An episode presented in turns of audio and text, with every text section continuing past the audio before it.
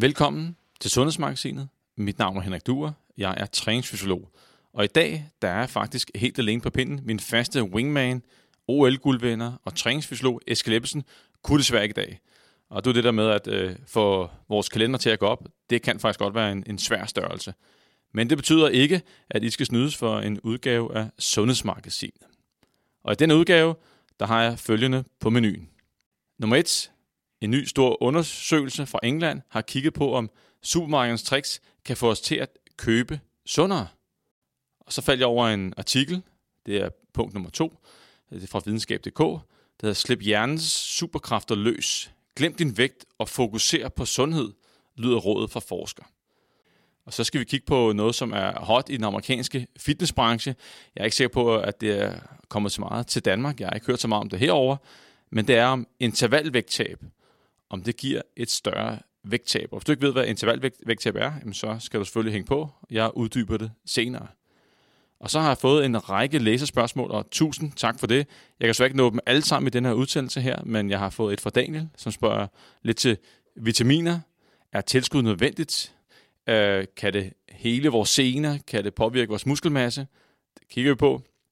Og så har Palle stillet spørgsmål omkring kolesterolmedicin, om det påvirker udviklingen af muskelmasse. Men lad os gå direkte til det. Det første punkt omhandler, som nævnt, kan supermarkedens tricks få os til at købe sundere.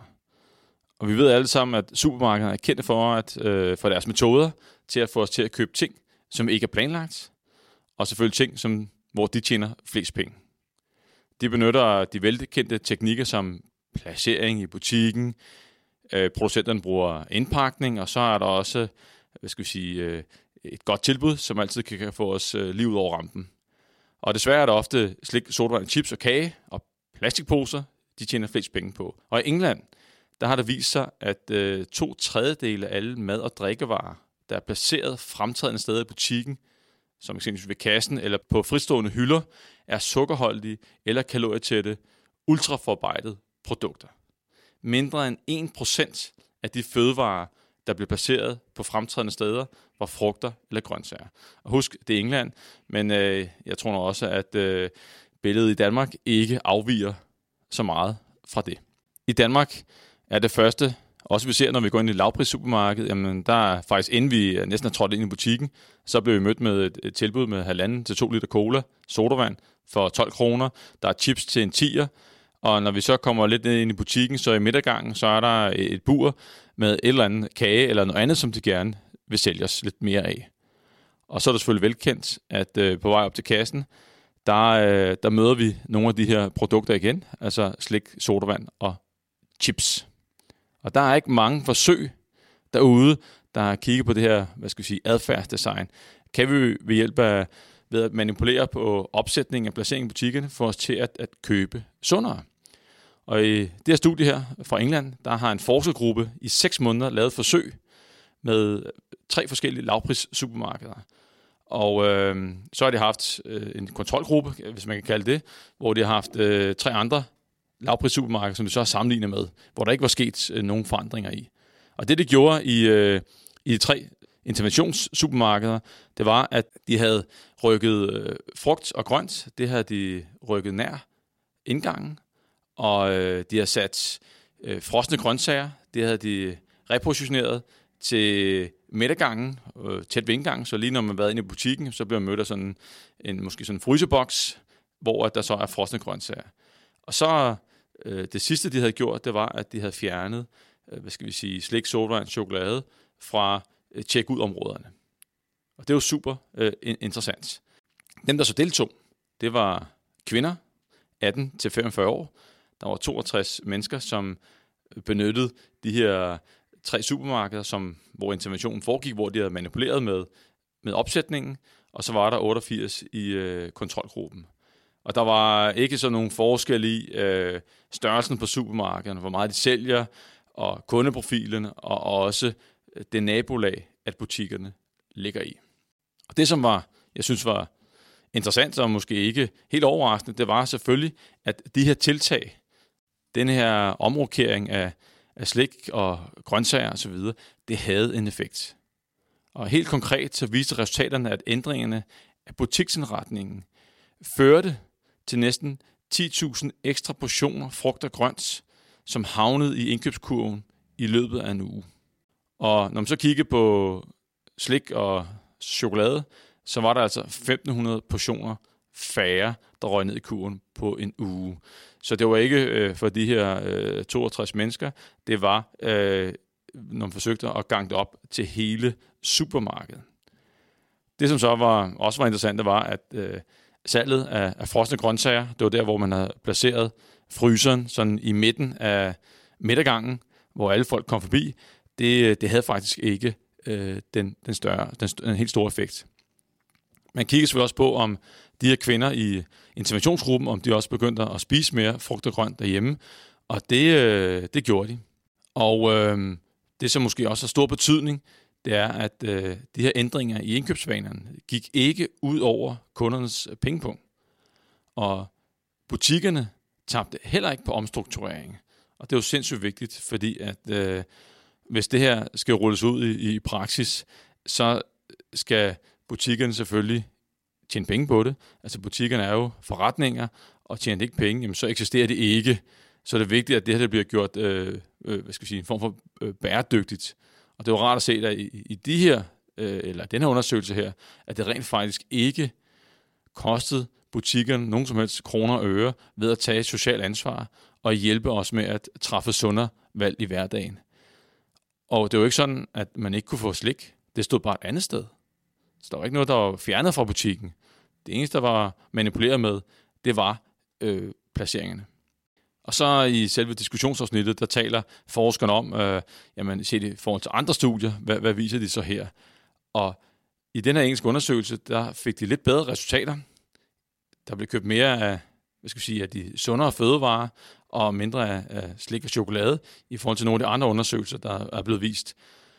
Og blandt andet sammenlignet det med, med dansk studie, og det, som de så hæfter sig ved, det er, at i nogle af de studier, de sammenligner sig med, hvor man ikke har set så stor en effekt, der er eksempelvis op ved kasserne, der, der havde man godt nok placeret øh, frugter og, og grøntsager, gjort dem synlige, men man havde ikke fjernet, hvad skal vi sige, slik, soda og chips.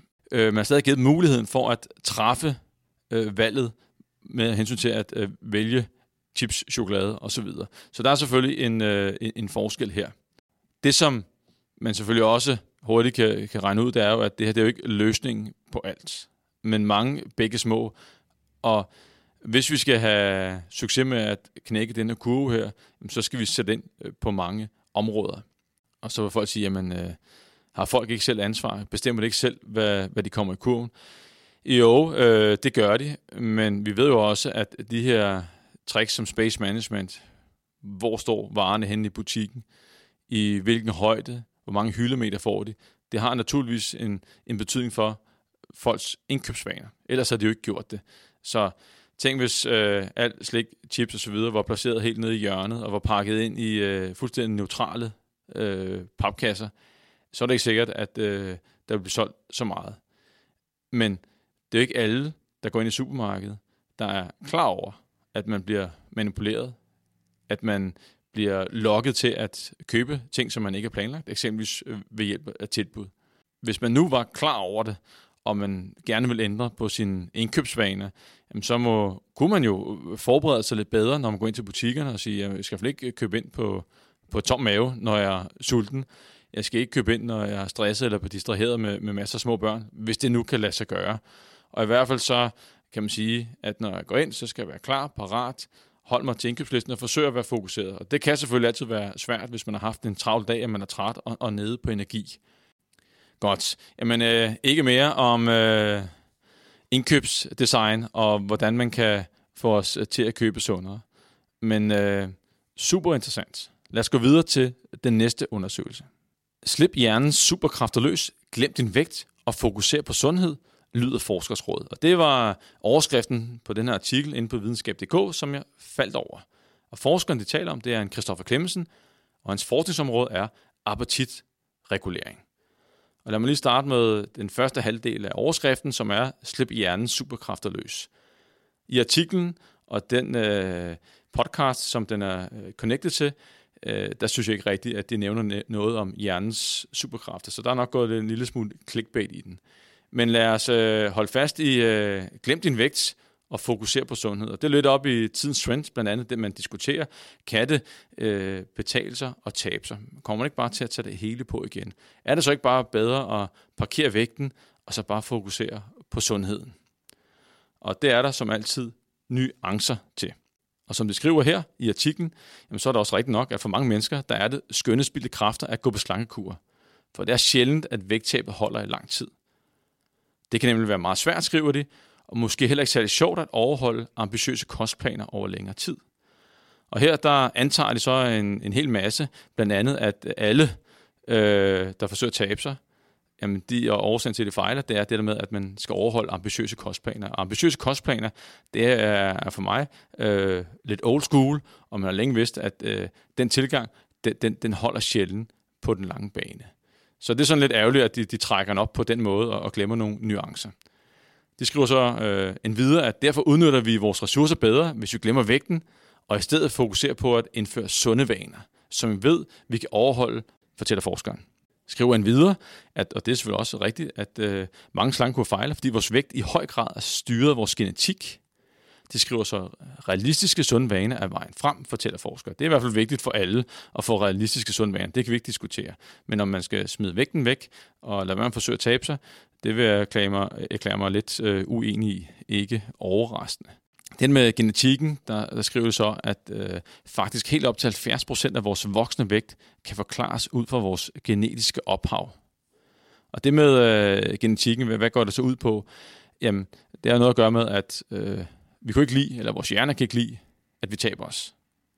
Og det vi mister, taber kropsfedt, jamen det er sådan et signal til hjernen om, at øh, nu har vi en energikrise, og hvis vi skal overleve her, jamen, så er det en god idé, hvis vi skruer op for sulten. Og den motiverer os selvfølgelig til at spise, og specielt indtage energirig fødevarer.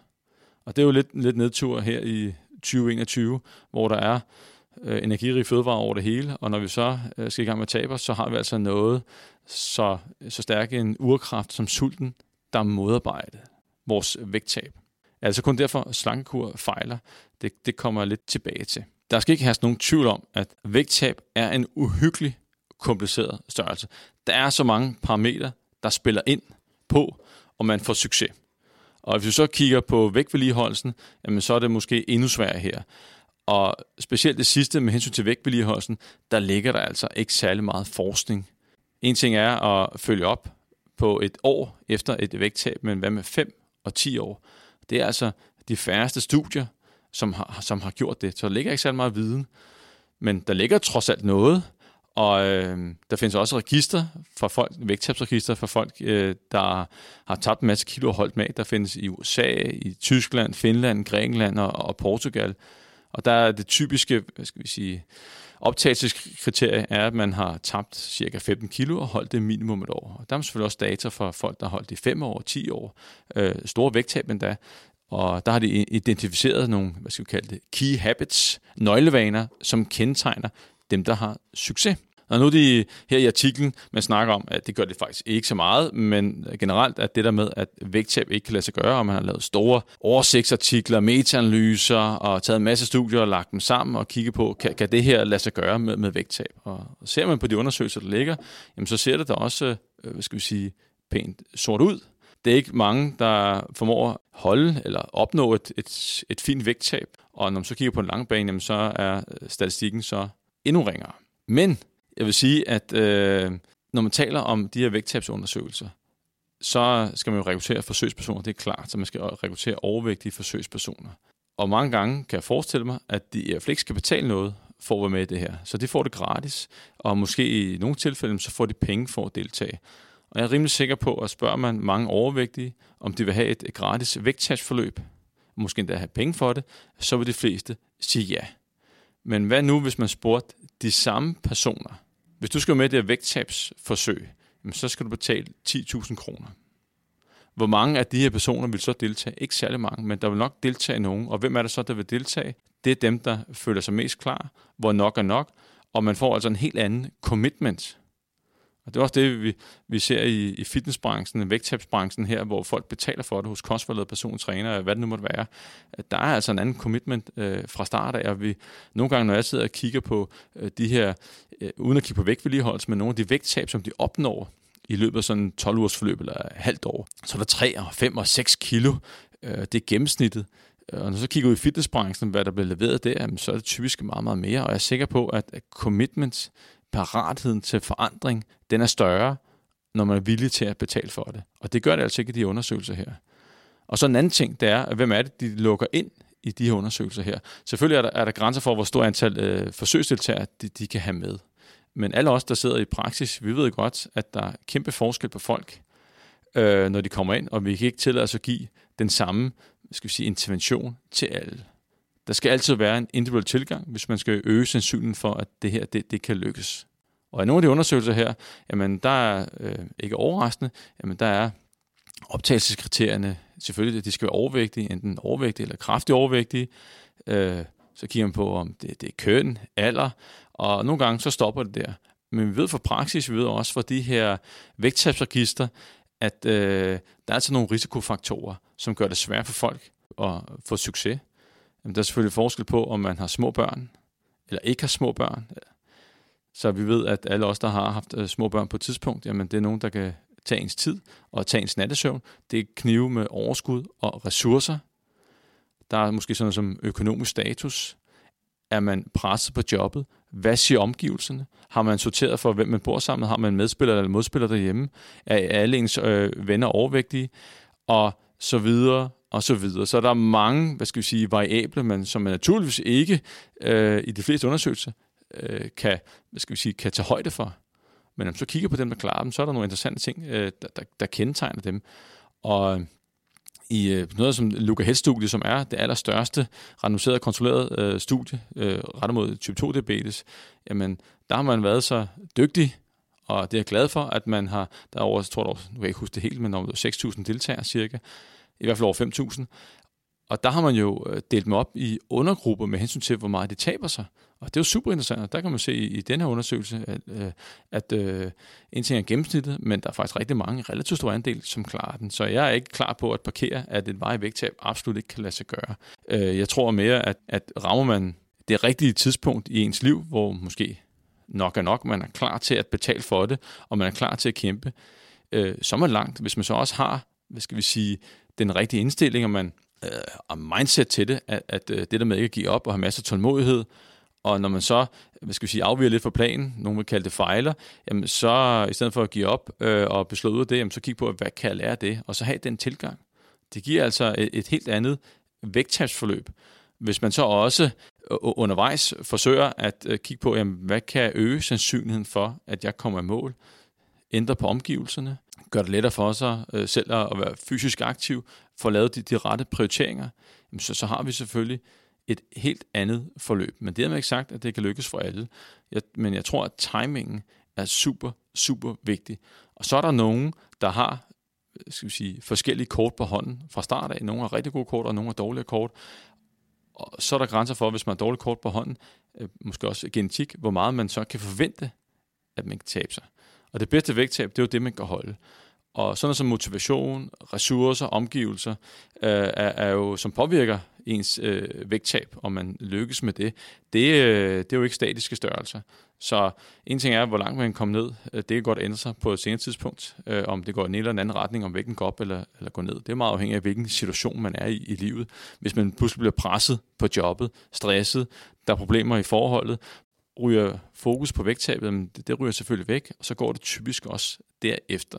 Så jeg er slet ikke der, hvor øh, at, øh, man kan sige, at man bare skal glemme og forsøge at tabe sig.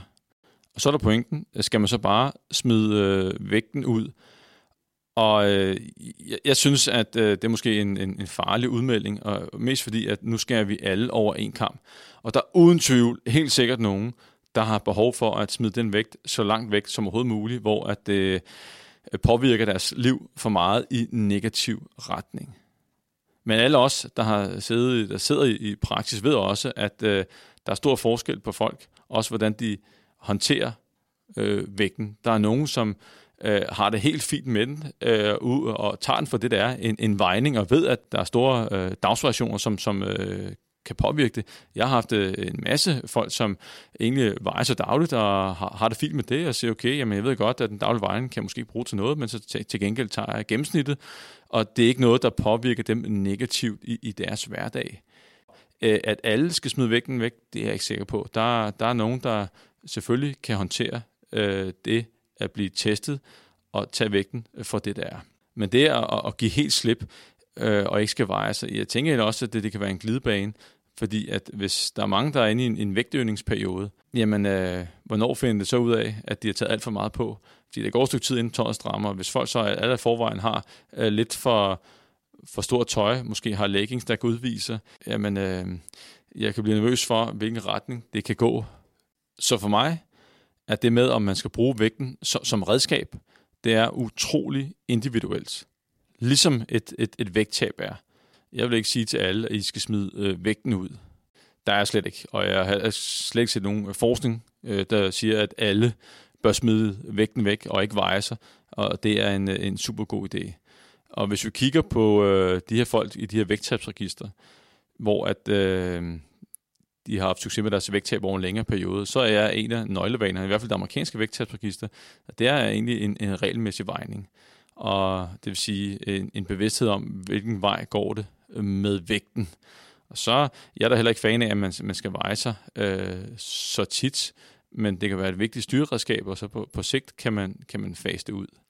Summa summarum, det med øh, vægttab er selvfølgelig utrolig individuelt, og det, om man skal smide vægten væk, det vil sige også er utrolig individuelt. Hvem er man, og hvordan lader man sig påvirke af, af den her vægt? Og i artiklen, der synes jeg også, at det er lidt... Øh, podcast måske lidt selvmodsigende, fordi at det vil gerne have, at vi smider vægten væk og bare øh, lever sundt, og det, det kan selvfølgelig være fornuftigt nok. Men på den anden side, så siger de også, at øh, det, er, det kan lade sig gøre for nogen at tabe sig. Men de siger jo ikke hvem, og øh, så står man derude og gerne vil tabe sig, og tror, at det er et umuligt projekt. Øh, det vil sandsynligvis være for nogen, men jeg tror, at er øh, omstændighederne rigtige, er man klar, parat, villig måske til at betale? Er man der? Er man så parat? Er motivationen der, omgivelsen måske er klar? Og alle de ting, så er jeg sikker på, at de fleste nok kan opnå et eller andet vægttab. Og har man så også det, det rigtige mindset og ønsker at lære af, af processen, øh, har en måske en mindful tilgang til spisning og så videre, så er jeg sikker på, at et, vægttab kan lykkes for rigtig, rigtig mange, uden at sige, hvor stor vægttabet kan blive, fordi det er jo også utroligt individuelt, og generne vil jo selvfølgelig spille ind. Nogle vil kunne komme helt i mål og få en, en, en lav fedtprocent, mens andre øh, måske øh, kun kommer øh, i mål med et, et mindre vægttab. Men det med sagt, at jeg synes i hvert fald ikke, at et varigt vægttab for mange mennesker er umuligt. Og nu til den næste undersøgelse, som øh, også omhandler vægttab, så vi er i, øh, i samme boldgade. Og her skal vi kigge på begrebet, fænomenet intervalvægttab. Og artiklen, jeg har øh, med i studiet her, den øh, hedder Continuous versus Intermittent Dieting for Fat Loss and Fat-Free Mass Retention in Resistant Trained Adults. The Ice Cap Trial. Det, man har gjort her, det er, at man har kigget på den normale tilgang med hensyn til vægttab, som er sådan et, et dagligt kalorunderskud, op imod et intervalvægttab, hvor man kører nogle uger eller ugedage med øh, underskud, og så kommer der dage eller uger, altså hvor det bliver brudt, øh, kalorieskud bliver brudt af nogle dage eller uger, hvor man så er tilbage i kaloriebalance, eller måske endda i kalorieoverskud. Og de her perioder, hvor at man får mere, øh, det bliver i hvert fald fitnessbranchen øh, typisk refereret til som diet breaks eller refeeds. Og jeg skal nok gå mere i detaljen med hensyn til, hvordan sådan helt lavpraktisk sådan et, et forløb ser ud. I hvert fald øh, det, de har brugt i undersøgelsen. Og der ligger ikke voldsomt meget øh, hvad skal vi sige, forskning på det her intervalvægttab. Hvis man kigger på øh, nogle af de første, der blev lavet, hvor at man har kigget på øh, moderate perioder med kalorierestriktion øh, i voksne med øh, almindelig overvægt eller kraftig overvægt, altså BMI over 30, så er der lavet øh, to randomiserede, øh, kontrollerede undersøgelser her. En, et på mænd og et andet på kvinder. Og i begge af de her to, øh, måske de første undersøgelser her, der har man vist, at, eller der viste resultaterne, at den her, hvis man taber sig ved hjælp af den intermittente, altså intervalvægttabsmetoden, jamen så får man altså et, øh, et større fedttab og en større fastholdelse af ens hvilestofskifte. Det, der så også er kendt i, øh, med vægttab, når man taber sig, så falder hvilestofskiftet også, specielt hvis man taber muskelmasse. I de her to randomiserede kontrollerede undersøgelser, der, der var vinderen med hensyn til vægttabskonceptet intervalvægttabet. Men det skal også siges, at der er lavet andre undersøgelser, som det også skriver i artiklen her, også på mænd og kvinder, og som er overvægtige, og der har det ikke vist nogen forskel. Den er lidt ulige, og øh, der skal nok flere undersøgelser til, før vi endelig kan konkludere noget i, i en lidt større meta-undersøgelse. Men så det, de har gjort her, det er, at øh, de prøver at kigge på det i forbindelse med folk, der styrketræner. Helt lavpraktisk, så var forsøget 15 uger, hvor at øh, i begge grupper, altså en gruppe, der, der kører frem som intervalvægttab, og en, der kører det kroniske kalorieunderskud, der er de altså i underskud i øh, det, der svarer til, til 12 uger og ligger med en vægttabshastighed på omkring et, øh, et kilo. Dem, som deltager, det er øh, 61 voksne, hvor de 32 af dem er, er kvinder. Den øh, gennemsnitlige alder er slutningen af 20'erne. Her skriver det 28,7 år. Kropsvægten er omkring øh, 77 kilo. Fedtprocenten er 25. Og øh, det bliver så randomiseret ind til de her øh, forskellige grupper. Og inden jeg lige går i dybden med, okay, hvordan var deres setup med hensyn til vægttabet, hvordan havde de sat det her intervalvægttab op, så øh, kan jeg måske også sige, at de her mennesker her, de får en kost, hvor at de er ret højt op på protein. Det er jo, øh, synes jeg er positivt, hvis man tænker på at fastholde muskelmassen, men igen, hvis man er kalorunderskud, og man skruer meget op for protein, så skubber man nogle andre øh, næringsstoffer ud, fedt og, og kulhydrater, og så er det ikke sikkert, at det, det fungerer for alle. Men her 2,3 gram protein per kilo kropsvægt per dag, det er altså rimelig meget. Og øh, derudover så havde de sat, at øh, indtagelsen af fedt skulle være 20 procent af energiindtagelsen. Så det har ligesom to måder at, at gøre det op på. Protein tager de i gram per kilo crossfit, hvorimod de tager energiprocent med hensyn til fedt. Og så det, der så er tilbage, det, øh, det bruger de så på øh, kulhydrater.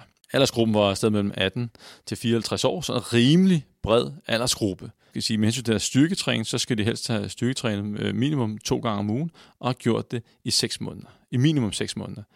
Så det er altså rimelig erfarne folk. Hvis vi kigger på de, øh, de to forløb, så alle bliver indledt med sådan en, øh, en standardiseringsperiode, således at de har kontrol med, med kosten op til øh, forsøget. Og hvis vi så tager sådan den, den klassiske måde at tabe sig på, hvor man bare er i et, et givet kalorieunderskud hver evig eneste dag, det er så også det, de gør her, og det kører de så i, øh, i 12 uger. I selve intervalvægttabsgruppen, der kører de tre uger med kalorieunderskud, præcis det samme kalorieunderskud, som de havde i den anden gruppe. Så uge 4, der får de så, øh, hele uge 4, der får de så kalorier nok, hvad der svarer til, at de går i 0 på energibalancen. Så der, der taber de så ikke. Så kører de tre uger til i kalorieunderskud, og igen en, en fjerde uge med øh, normal øh, kalorieindhold, og så tre uger til med kalorieunderskud, og så en tredje og sidste uge med, øh, med det at være i kaloriebalance. Og så er det sidste tre uger, der kører de altså i øh, energiunderskud. Og med den forskning, der ligger indtil videre, øh, når man skal sammenligne resultater senere, så er der også forskel på, hvordan man griber det an. Fordi de her perioder her, med hensyn til, øh, hvor lang tid man er kalorieunderskud, og hvor lang tid man er energibalance, de varierer, og også størrelsen af, af kalorunderskuddet. Så det er ikke 100% sammenligneligt det hele. Men øh, lad os prøve at se på, hvad den her undersøgelse viser af resultater for de her styrketrænede mennesker, der benytter sig af refeed-perioder eller diet breaks. Selve resultaterne var måske lidt, øh, lidt kedelige, for der var ingen forskel mellem de her to interventioner med hensyn til muskelstyrke, muskeludholdenhed, hvilestofskifte, hormonet leptin, som har noget at gøre med vores appetitregulering, testosteron, IGF-1, T3, som er stofskiftehormon, grelin, søvn, absolut ingen forskel på de her parametre. Det eneste sted, hvor de øh, fandt en forskel, og det kan måske også være relevant, det er, at øh, dem her, der kørte intervalvægttabet, de havde øh, oplevet en, en net signifikant mindre sult og lyst til at spise, sammenlignet med den anden gruppe. Så lidt klogere er vi blevet. Det, der er interessant her, det er, øh, som sagt, målgruppen af folk her, de, øh, de er ikke overvægtige, og de, de styrketræner regelmæssigt har gjort det i, i et langt stykke tid.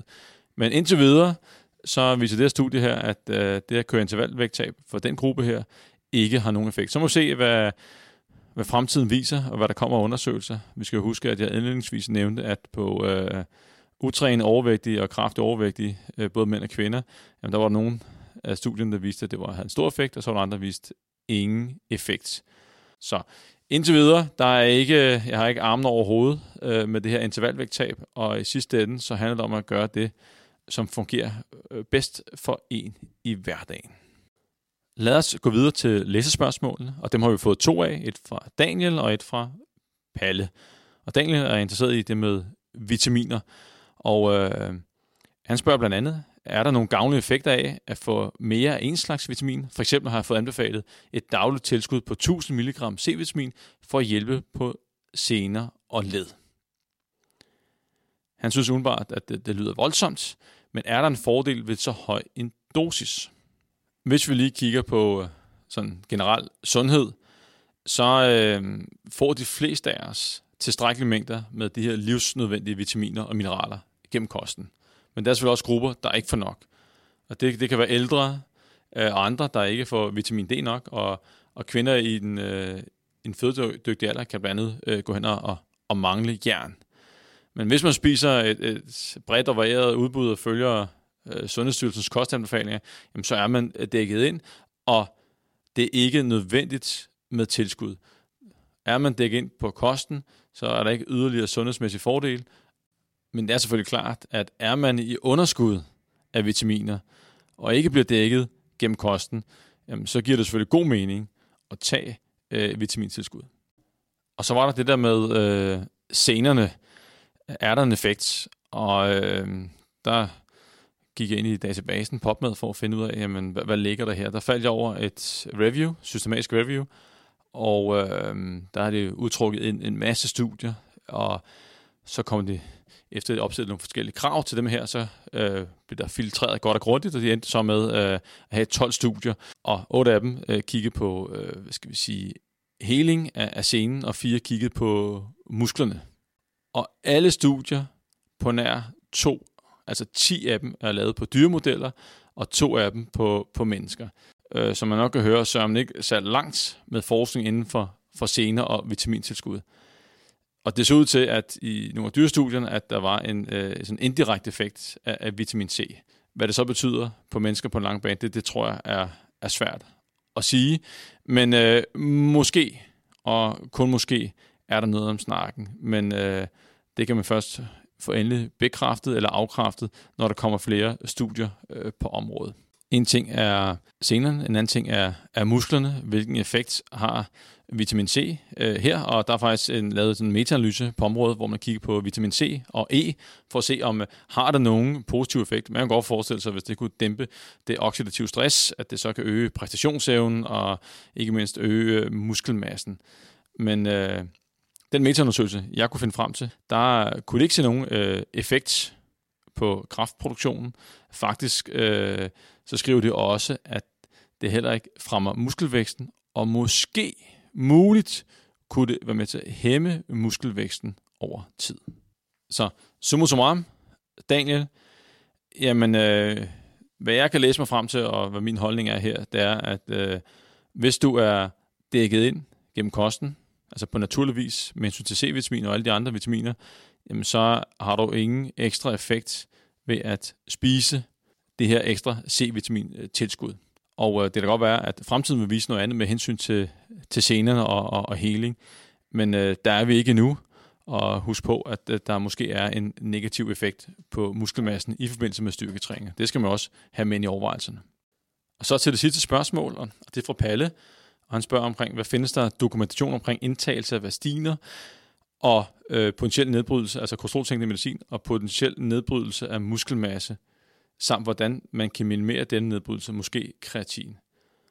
Og øh, spørgsmålet giver god mening, fordi der er rigtig mange, der har fået kolesteroltal, der er rigtig mange, der får den her type medicin. Og en kendt almen bivirkning er blandt andet øh, muskelsmerter. Og så er det nærliggende at tænke, okay, hvis jeg kan mærke noget i musklerne, og måske også øh, for, for, for kramper, øh, kan det så gå ud over resultaterne i fitnesscenter? Kan det gå ud over muskelmassen? Og jeg har kigget og søgt, og, og man kunne finde nogle som træningsstudier, hvor en gruppe øh, altså hvor to grupper, der styrketræner, og den ene får placebo, og den anden får øh, kolesterolsænkende medicin, for at se om, øh, er der så en negativ effekt på udviklingen af muskelmasse. Det, det måske findes studiet, men ja, det er ikke lykkedes meget at finde det, så jeg har svært ved at, lige at, at komme med nogen øh, konklusion. Men jeg faldt over øh, noget super interessant fra en, der hedder øh, en professor, Simon Spuler fra Universitetet i Berlin, som har lavet noget forskning, som ikke er sponsoreret af medicinalindustrien. Hun har jo øh, de har kigget sådan noget sådan et petriskål med, på muskelcellerne og fundet ud af, at øh, de her statiner her, de påvirker en masse ting ned, ned i musklen. Og øh, man har så også set på, at selve træning og måske øh, tilskud af omega-3 kan være med til at minimere nogle af de her negative bivirkninger. Men om det påvirker muskelmassen, der må jeg melde øh, pas. Det ved jeg desværre ikke noget om. Jeg kan ikke svare på, om øh, man skal tage kreatin. Jeg ved heller ikke, om kreatin kan gå ind og hvad skal vi sige, konflikte med øh, medicin. Der, der være, må jeg henvise til, til lægen. Beklager, at jeg ikke kunne give et mere fyldskørende svar. Så vil jeg sige, øh, det var det for denne gang, og tak til alle jer, der lytter med. Vi høres ved en anden gang, og næste gang, der har jeg min faste wingman med, Eskild Ebbelsen. Vi høres ved. Hej.